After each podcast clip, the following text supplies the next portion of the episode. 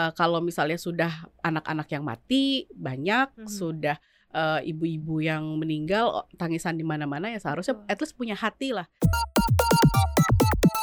Israel itu eh, bapaknya itu adalah eh, London, ibunya adalah Amerika, dan bidannya adalah PBB gitu ya. Mhm, Jadi mhm. mereka nggak akan mungkin mau dan berani gitu untuk mengusik.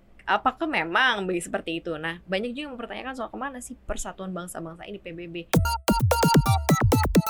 perang ini tuh kerasa kayak ngapain sih kita ngurusin perang? Ini kan di negara orang belum tentu negara kita sendiri benar sebenarnya kelihatan jauh tapi ternyata dampaknya kalau merembet wah bahaya ya. Koneksi. Konten Ekonomi Seksi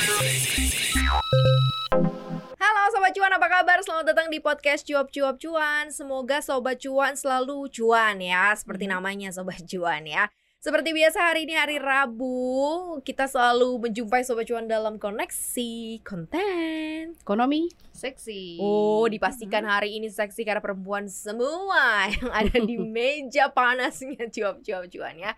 Bareng Maria Katarina di sini dan juga uh, Safety Oktarianisa, Managing Yes. Editor CNBC Uh, Indonesia. mantap dan juga dan juga ada Inta dari TV sebagai produser. Aku tadi Wu Indonesia soalnya ini Mbak Safety ini eh, memang yang paling tepat untuk pembahasan kita saat Oh, ini. benar. Topik yang paling panas. Topik yang paling takut panas. nih. panas banget dan sebenarnya kenapa kok kita akhirnya mengangkat ini di salah satu obrolan podcast kita karena kita Mhm. pengen sebenarnya sobat cuan pun juga bukan hanya update tahu terus ah gimana sih ini? Atau gimana? Atau mungkin banyak sobat cuan di sini kan kita lumayan banyak mengawal teman-teman Gen Z yang mungkin juga nggak tahu gitu ya. Tapi percayalah sobat cuan yang Gen Z ataupun juga yang milenial akhir bahwa konflik ini pun juga sudah terjadi zaman orang tua kita yang ada di sini pun belum lahir. Jadi kamu bayangkan tahun 1948, tiga tahun setelah Indonesia merdeka, kemudian konfliknya dimulai dan sekarang Indonesia udah merdeka 70 berapa tahun Indonesia nih sekarang? Ini konflik masih terus berjalan. Jadi bisa dibayangkan konfliknya cukup berkepanjangan. Tapi mungkin kita bisa sedikit melihat eh, apa yang terjadi saat ini kali ya. Karena dari tensions of eh, konfliknya mungkin sekarang udah makin beda Lebar. atau mungkin lebih le- lebar gitu ya Mhm. apa sih eh, Mbak Sefti yang mungkin lebih lebih terasa di konflik yang ada di yang terjadi di 2023 ini? Uh, khusus konflik, uh, maksudnya Israel Palestina ya di sini ya. Iya. Iya sebenarnya ketika kita uh, melihat konflik ini sekarang, uh, apa namanya, kita perlu tahu kalau konflik ini tuh bukan konflik yang baru. Ini konflik benar kata Mbak Maria tadi, ini konflik yang sudah lama dari tahun 1948 yang sampai sekarang nggak selesai. Dan Hmm. eskalasi ini bukan eskalasi yang pertama terjadi. Ini eskalasi yang untuk kesekian kalinya, tapi eh, apa namanya dengan korban yang semakin banyak hari ini kalau nggak salah berdasarkan data beberapa media internasional ya kayak Al Jazeera, AP, AFP eh, sama BBC ini sudah sampai eh, 10.000 ribu orang yang tewas dari eh, eskalasi yang terbaru yang terjadi ini. Yang kita inginkan adalah eh, setidaknya dari eh, CNBC editorial sendiri kita ingin gencatan senjata tuh seharusnya dipercepat. Kalau perlu Hmm. sekarang juga jangan sampai warga sipil semakin banyak lagi yang tewas. Udah 10.000 ribu, mau berapa berapa Betul. belas ribu lagi yang Korban meninggal. Anak-anak juga banyak Yes, ya iya. sebenarnya.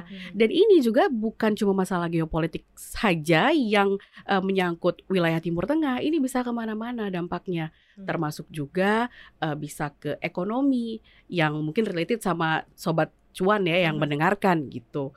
Jadi kita pengen mereka juga eh, care soal ini karena ini nggak cuma masalah geopolitik tapi juga bisa ke mana-mana termasuk ekonomi gitu. Ekonomi tadi maksudnya mungkin kayak perdagangan, ada yang mulai boykot boykot gitu nggak sih Mbak Safety? boykot produk-produk dari Israel dan lain-lainnya gitu.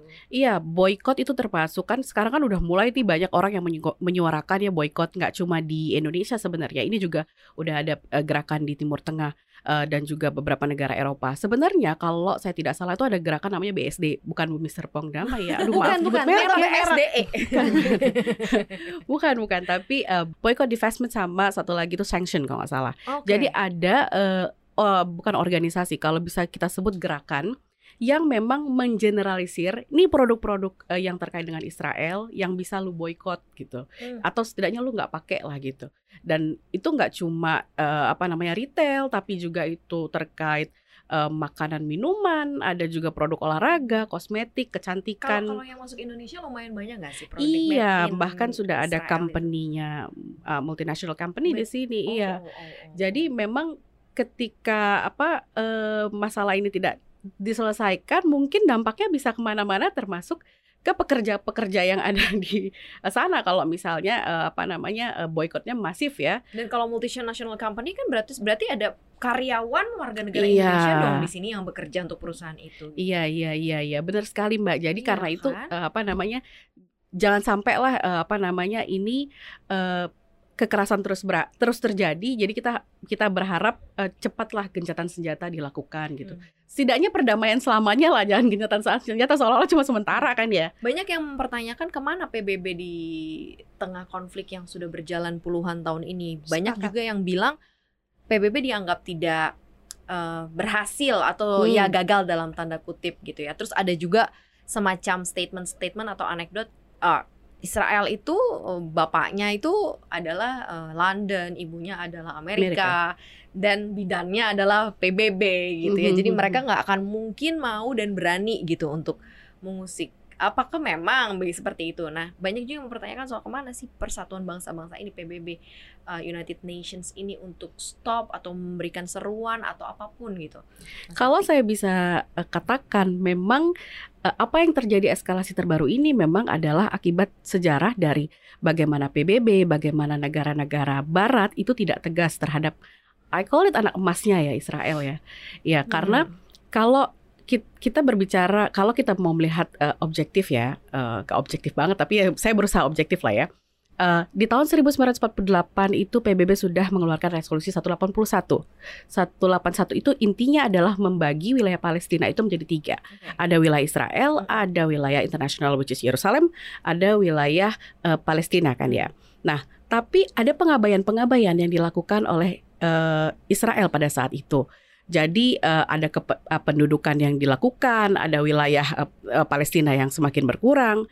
Lalu munculnya eh, peristiwa eh, Nakba, muncul lagi eh, apa namanya perang enam hari, lalu Hmm. ada lagi yang namanya em, apa namanya Intifada. Akhirnya tahun 1993 muncullah perjanjian damai yang dimediasi Norwegia, eh, Oslo ya.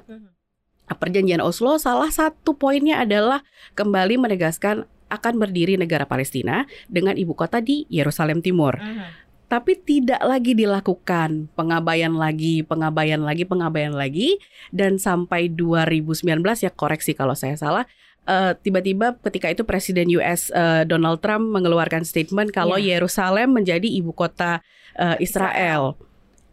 Dari situ kan kita lihat betapa eh, keberpihakan terjadi, betapa eh, apa namanya eh, ada yang sangat dianak emaskan, sementara ada yang tidak di tidak digubris Mhm. sehingga eh, ya bisa dikatakan beberapa aksi teror yang mungkin dilakukan adalah bagian dari mencari perhatian untuk apa namanya eh, biar di- dilihat oleh eh, apa namanya mungkin PBB dan Barat. Poinnya di sini sih yang saya lihat em, mungkin eh, apa ya me- memang PBB harus menunjukkan sikap tegas. Kalau perlu hak veto itu yang ada di Dewan Keamanan itu kalau perlu dihapus. Kenapa? Ah. Karena dengan adanya hak veto, negara-negara yang adik kuasa, negara-negara yang em, bisa dibilang ya sorry itu saya memang ada keberpihakan dengan Mhm, negara tertentu mhm, kan mhm. akan gampang sekali untuk mengkat sesuatu padahal sudah disetujui Benar, banyak negara di sana gitu Dan kan. masalahnya itu dari tahun 93 sempat ada istilahnya perjanjian damai begitu yang Mm-mm. di, diinisiasi Norway. Kemudian meledak lagi ke 2019. Itu panjang dong berarti kayak hampir 20 tahunan lebih gak sih? Dan setiap pengabaian-pengabaian itu maksudnya Mbak Safety adalah mengikis wilayah Palestina Iya. ya, hingga Mhm, akhirnya mhm. wilayahnya tuh hanya ada di West Bank itu. Iya, yang di tepi West barat. Bank, Gaza pun juga terpisah kan. West Bank di mana, makin Gazanya di sana gitu. Betul. Golamnya kalau nggak salah di sana kalau masih ya wilayahnya Hmm. Tapi masuk Palestina. Betul tadi kata Mbak Safety kalau misalnya ternyata Amerika di sini punya perhatian besar. Eh, kalau misalnya kemarin itu aku buat berita ya Mbak, ada update kalau misalnya sekarang Anthony Blinken ini kelihatannya lagi safari politik di mhm. wilayah Timur Tengah. Mhm. Dia waktu kemarin itu habis dari Baghdad Irak. Waktu kita tahu ya mungkin kalau misalnya di sana sebenarnya wilayah yang cukup eh, panas juga ya. Sampai ke Anthony Blinken ke sana aja pakai rompi anti anti peluru dan menegaskan sebagai tolong bentuk eh, proteksi Iya. dini ya. Terus menegaskan minta bantuan kalau misalnya eh, satuan militernya tolong dilindungi, Mhm, tidak disakiti. Abis itu dia pergi ke Turki. Itu juga masih bagian dari Timur Tengah kalau misalnya di Turki itu, tapi kan kita tahu ya kalau misalnya emang Erdogan presiden Turki ini keberpihakannya ke Palestina. Akhirnya Erdogan ini di saat Anthony Blinken datang dia memilih untuk kegiatan kenegaraan. Jadi dia punya kunjungan kerja ke daerah lain tidak di Ankara, akhirnya menemui si Anthony Blinken ini adalah Menlunya. Hmm. Katanya juga mau bahas tentang Gaza. Jadi kenapa Terus di sisi lain di saat yang bersama juga ada pes kapal perang dari US. Amerika Mhm, itu yang merapat nih ke perairan Timur Tengah. Kenapa sih sebenarnya Amerika Serikat ini eh, penuh perhatian gitu dengan Israel? Ya karena kalau kita Ini daerahnya kaya kayaknya ya. oh iya sebenarnya eh, apa namanya mungkin juga kalau kita lihat kan em, apa bilioner bilioner besar Yes. di US itu kan Hmm. rata-rata memang kan keturunan Jews ya.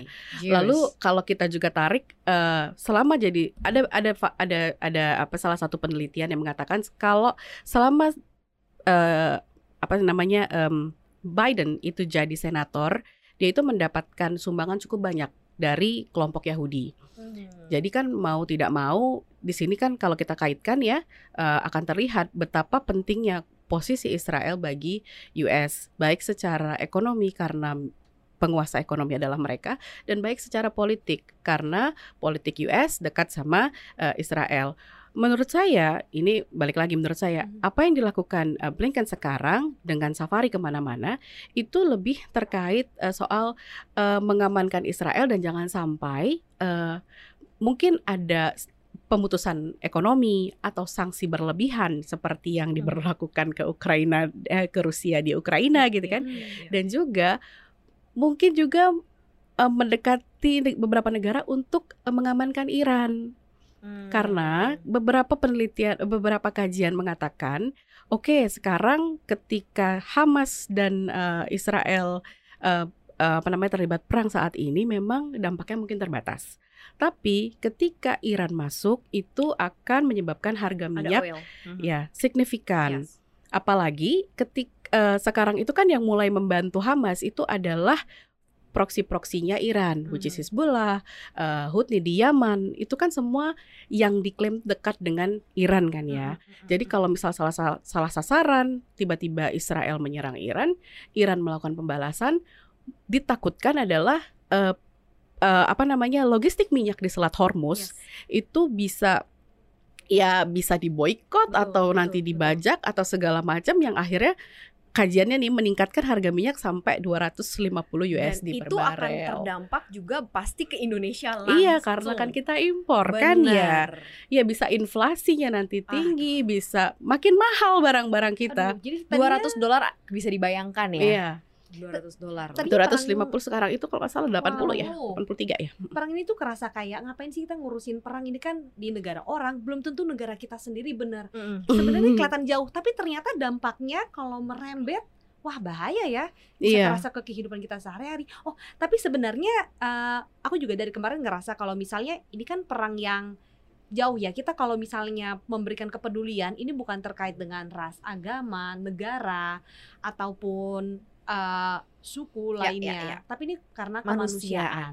Tapi kemarin juga ada sesuatu berita yang menyentil Indonesia. Kemarin sempat dikatakan bahwa kalau misalnya Israel ini kan menargetkan rumah sakit-rumah sakit ya Mhm, mhm. beberapa beberapa rumah sakit salah satunya rumah sakit Indonesia katanya Mhm. rumah sakit Indonesia itu dibangun di atas terowongan Hamas dan diperkirakan jadi tempat bersembunyi tempat Iya, untuk iya, memberikan iya, logistik iya. buat Hamas ini gimana nih ya Mbak Israel sih bisa aja mengklaim apa pun ya, K- tapi kan buktinya kan eh, data-datanya kan eh, tidak tidak tidak terlalu kuat ya. Mhm. Lagi pula kan eh, apa namanya pemerintah Indonesia juga hari ini Kemlu juga sudah menyu- menyuarakan kalau itu tidak benar. Dibantah Sebelumnya ya. juga operatornya Mercy juga membantah. Kalau misalnya eh, dalilnya adalah em, di bawah itu ada terowongan yang eh, apa namanya untuk Hamas menyalurkan bahan bakar. Tapi kan ka- menurut Mercy kan bahan bakar mereka itu eh, di rumah sakit Indonesia itu ada di satu bangunan tersendiri. Jadi Oke. bukan di terowongan. Jadi dari situ saja sudah terbantahkan. Tapi menurut saya em, apa namanya apa pun seharusnya kan dalam peperangan itu ada aturan-aturan. Betul. Uh, uh, aturan itu yang seharusnya uh, apa namanya diikuti baik uh, termasuk oleh Israel si anak emas uh, negara-negara Barat ini. Jadi ketika dia mau, jadi kalau kalau saya tidak salah ya bisa mungkin dicek lagi dalam salah satu aturannya adalah ketika uh, apa namanya uh, musuh itu ada di wilayah uh, sipil, Sipil. atau wilayah uh, rumah sakit Oke. harus ada pengumuman untuk evakuasi dahulu. Lalu setelah dia evakuasi ti- tidak terjadi harus ada apa-apa-apa sampai berapa kali. Jadi bukan bukan yang langsung serangan udara. serangan udara. Mhm. Mungkin Israel bisa Mhm. berdalih, oh kita udah kasih selebaran selebaran untuk evakuasi dari utara ke selatan gitu kan ya. Tapi kan yang selatan juga dibom juga gitu kan kayak kan Yunis itu kan di di bagian Iya, selatan iya, kalau iya, nggak salah iya, kan ya. iya. Jadi kan emang nggak ada wilayah yang aman sebenarnya di sana. Jadi ya apa namanya kalau menurut saya sih ya dalih bisa saja disampaikan oleh Israel tapi kan balik lagi eh, kalau misalnya sudah anak-anak yang mati banyak Mhm. sudah eh, ibu-ibu yang meninggal tangisan di mana-mana ya seharusnya at least punya hati lah sedikit untuk Mhm. melihat itu. Jadi jangan egoisme politis doang yang di- dibuat di sini. Toh juga rakyat Israel sendiri kan banyak sekarang yang udah demo dan protes kan. Mereka juga minta Betul. perang dihentikan, perang di stop. Terus juga mereka kan juga minta dahulukan eh, apa namanya penanganan orang-orang yang disandra. Jadi kan Hmm. sebenarnya masyarakatnya juga banyak kok yang masih punya hati. Cuma sekarang dia pemimpin politiknya aja ya nggak tahu juga ya kan kan mungkin karena PM-nya kan Benjamin Netanyahu kan dari partai yang sangat kanan ya partai Betul, Likitnya betul. jadi eh, apa mungkin karena itu juga atau mungkin juga pengalihan isu karena kan Hmm. sebelum ini kita tahu dia di Israel kan juga di apa namanya di demo warga Hmm. diminta turun karena kan pertama dia ada kasus korupsi Betul. sebelum diangkat yang sekarang lalu kedua kan eh, dia juga merombak eh, apa aturan eh, apa namanya hukum reformasi hukum jadi eh, kalau nggak salah tuh eh, seharusnya kebijakan hukum tuh ada di MA sekarang ada di eksekutif which is pemerintah Nah, jadi Hmm. akhirnya itu tuh em, membuat beberapa bulan sebelum kejadian ini warga Israel itu demo ramai-ramai untuk biar dia turun gitu loh. Mhm. Apakah itu juga bagian dari dia pengalihan isu kan itu ju- juga bisa juga kan sebenarnya kan. Jadi ya niat baik si eh, kepala pemerintahan ya sekarang dan bagaimana negara-negara yang berada di sekitarnya yang selalu mendukung itu menekan dia saat ini Mhm. itu sih menurut saya sih. karena konfliknya sudah meluas, melebar dan Mm-mm. sudah uh, korbannya pun juga sudah banyak gitu ya. Makanya seruannya dilakukan juga oleh negara-negara lain yang memang cukup lumayan bukan cukup lumayan ya, menyuarakan mengenai kemanusiaan, Betul. kedamaian gitu ya, seperti apa yang dilakukan oleh Indonesia. Karena ini perangnya ini udah terjadinya di Palestina dan juga Israel ya. Cuman kalau di sosial media juga ada perang tweet war dan selebriti para pemimpin Mm-mm. tuh kayak terpecah belah mulai di situ ngeliatan bahwa yang ini bela Israel, yang ini bela Palestina dan jadi kayak ya perangnya jadi kayak perang media sosial gitu Mhm, yang makin malah justru tidak membawa dampak signifikan untuk kekedamaian secara lebih real gitu. Mhm. Indonesia kalau menurut Bunta ataupun juga Mbak Sefti sebaiknya melakukan hal yang deep impactnya seperti apa sih? Kalau kayak sekarang kemarin kan udah ngumpul di Monas nih, mereka juga udah menyerukan. Terus kemudian mereka juga udah banyak turun untuk aksi. Di sana waktu evakuasi juga katanya ada beberapa warga negara, ada Yang- mer- eh, warga negara Mercy yang mereka pengen Iya, stay nggak tetap mau, gitu, ah. nggak mau dievakuasi. Berarti sebenarnya udah nggak pokoknya sampai perang ini bergulir dan mungkin Hmm. selesai mereka baru mau pulang apalagi sebenarnya yang bisa dilakukan kita sebagai warga negara nih eh, saat ini gitu karena kan kita cuman bisa tahu update ya di medsos Iya, betul. nonton di TV Tapi nggak bisa ngebayangin juga betul. kayak kamu lagi baik-baik tidur tiba-tiba suara bom gitu Aku kan juga jadi kepikiran kalau misalnya kayak banyak wartawan di sana yang uh, kondisinya tidak aman. Padahal Mhm. seharusnya kan pers itu jadi salah satu dilindungi Ya, karena dia Pers itu adalah bagian dilindungi, dari betul. demokrasi untuk memberitakan. Mhm. Tapi bahkan salah satu media waktu itu ya, waktu dia lagi live report, dia sampai ngelopas rompinya karena dia udah ngerasa buat apa pakai rompi karena juga tidak ada pengamanan internasional Mhm. secara peng jadi dunia itu kelihatannya hanya menyaksikan saja menjadi penonton, tapi Mhm. kejadian perang itu terus berlanjut di sana. Mhm. Mereka sekarang tinggal menunggu waktu, waktu untuk menjadi sasaran. Haha. Terus setiap kali kalau misalnya aku juga dengan ya masih bisa menidurkan anakku tiap malam dengan nyaman, tapi di sisi lain keluarga lain mungkin itu adalah malam terakhir dia bersama Haha. anaknya. Mhm. Itu sangat sedih sekali kan, apalagi banyak akhirnya anak-anak yang kehilangan orang tua ya. Generasi Mhm. penerusnya nanti Palestina itu pasti akan menjadi generasi yang penuh trauma. Iya, gitu. intinya kekerasan akan dibalas dengan kekerasan lagi kalau tidak dihentikan. Saya sih percaya itu ya. Ketika anak-anak Palestina dibombardir, eh, mereka akan ingat itu Mereka sebagai ingat ini iya, sebuah dendam. buruk iya, dan dendam. pengalaman Betul. buruk dan dendam. Ujung-ujungnya apa? Ini masalah tidak akan selesai. Akhirnya balas lagi dendam ke Israel, rusuh lagi. Israel juga merasa Palestina jahat ke mereka, balas lagi dendam. Jadi tidak akan berkesudahan. Kalau misalnya solusinya adalah eh, apa namanya kekerasan, pada intinya ya memang kita harus mendahulukan perdamaian di sini. Bagaimana membuat dua negara ini setidaknya ya kalau kita bicara objektif lagi bisa hidup berdampingan. Itu yang seharusnya diutamakan termasuk negara-negara barat yang mendukung Israel. Karena Seperti konflik itu emang terjadi itu nggak jauh-jauh ya. Sesuatu Mm-mm. hal yang memang berdampingan sebelahan kayak eh, Rusia Ukraine kita tahu kan Ukraine tuh kayak semacam terasnya Rusia gitu ya. Mhm. Terus mereka konflik. Kemudian Palestina dan juga Israel ya bisa Mm-mm. dibayangkan kan mereka memang bener-bener eh, Sebelahan. sebelahan Mm-mm. gitu dan ini konflik. Ini kayak kamu tuh tetanggaan gitu tapi kamu nggak akur sama tetangga kamu. nggak akur dan eh, nggak imbang kekuatan Bener, militernya. Jadi akhirnya bener. yang satu menjadi lebih apa ya? Lebih Jumawa. Boleh nggak saya sebut Jumawa ya? Bener sih bener sih karena memang bed- jauh banget Mhm. ketimpangannya dari sisi modernisasi teknologi segala macam Iya, Israel iya. bahkan internasionalnya juga Hubungan beda internasionalnya. untuk mensupport. Hmm. Sebenarnya kalau kita bicara Indonesia, sebenarnya Indonesia tuh cukup konsisten ya menurut saya dari awal sampai akhir Indonesia tuh uh, state kalau uh, Palestina harus jadi negara merdeka gitu Yap. kan ya. Uh, terus uh, Indonesia termasuk uh, yang punya kedutaan di sini, tidak punya hubungan sama sekali dengan Israel. Lalu Indonesia juga uh, apa jadi negara salah satu penyumbang terbesar lah uh, donasi ke Palestina dan Indonesia itu jadi negara bagian dari 120 negara yang kemarin mendukung uh, apa namanya gencatan senjata di PBB. Oh, maksudnya Indonesia tidak punya hubungan diplomatik sama sekali dengan Yes, Israel ya? yes, Ya, Israel. Indonesia tidak punya hubungan diplomatik sama sekali dengan Israel.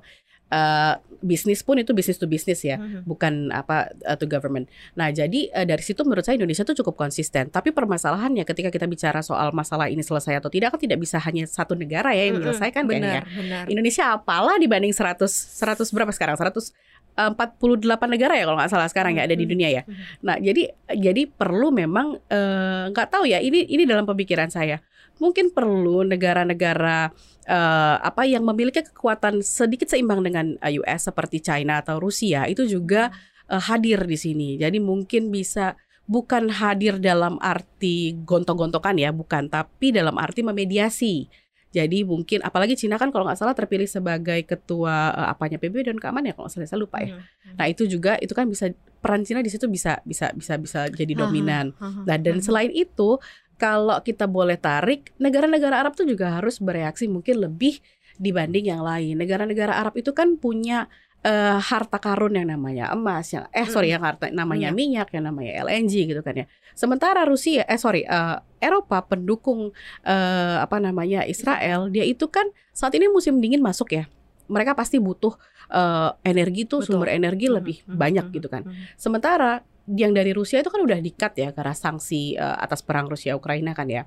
Nah seharusnya dalam kar- karena salah satu alternatifnya adalah LNG dari Qatar ya kalau nggak salah ya. Seharusnya yang dilakukan dari eh, apa namanya Negara. Arab adalah menekan dari segi itu kalau menurut saya ya. Sebagai solidaritas ya. Iya. Mhm. Mengingatkan kalau misalnya eh, ya ya kalau misalnya tidak nggak mau ikut campur dalam urusan eh, militer ya bagus ya karena kan menambah buruk situasi juga tidak menyelesaikan masalah gitu kan ya. Tapi menekan dengan cara ekonomi misalnya dengan apa namanya pemutusan bukan pemutusan mungkin apa namanya mengkat sementara LNG atau segala macam yang ke Eropa untuk menekan mereka Ya, menekan ya, Israel ya. mungkin bisa jadi salah satu cara lain. Menekan itu maksudnya mendorong mereka ke meja perundingan ya. Betul, Bisa betul. juga. Itu ataupun eh, yang namanya gencatan senjata karena sekarang dibutuhkan kita nggak bisa jadi penonton penderitaan orang-orang. Mhm. Kita kalau bisa juga jadi orang yang mendukung tadi untuk mereka ada di meja Mhm. perundingan. ditekan dari sisi eh, sesuatu yang mereka butuhkan nih butuh ayo eh, kita diskusi Merasa dulu terdesak soal gitu Merasa ya. terdesak kan soalnya masalahnya Hmm. butuh mereka kan juga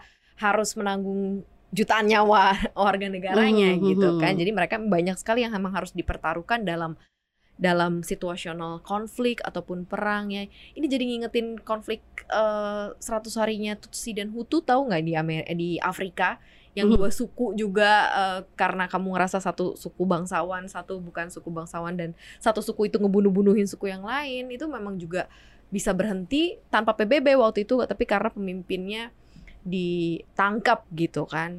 Nah, kira-kira kita bisa ketemu nggak siapa kira-kira orang di balik itu antara konflik Palestina dan juga Israel? Karena kayak immediately deh harus udah mau ganti tahun 2024 gitu bisa Iya. nggak sih? Mungkin nggak sih kayak makin mereda bahkan Iya, karena ada kan perdamaian gitu. kayaknya tuh dari selesai Covid, tahu-tahu Israel Palestina, tahu-tahu krisis pangan, tahu-tahu jedar lagi perang Hamas Betul. Israel. Itu kayaknya tuh kayak beruntun inflasi belum benar Mm-mm. gitu kan ya, apalagi negara-negara maju ada juga yang terancam resesi, tiba-tiba udah muncul lagi yang seperti ini yang bisa mengganggu harga minyak, which is inflasi juga bisa naik gara-gara gara-gara ini kan ya. Jadi kayaknya nggak ada ketenangan gitu loh. Makanya.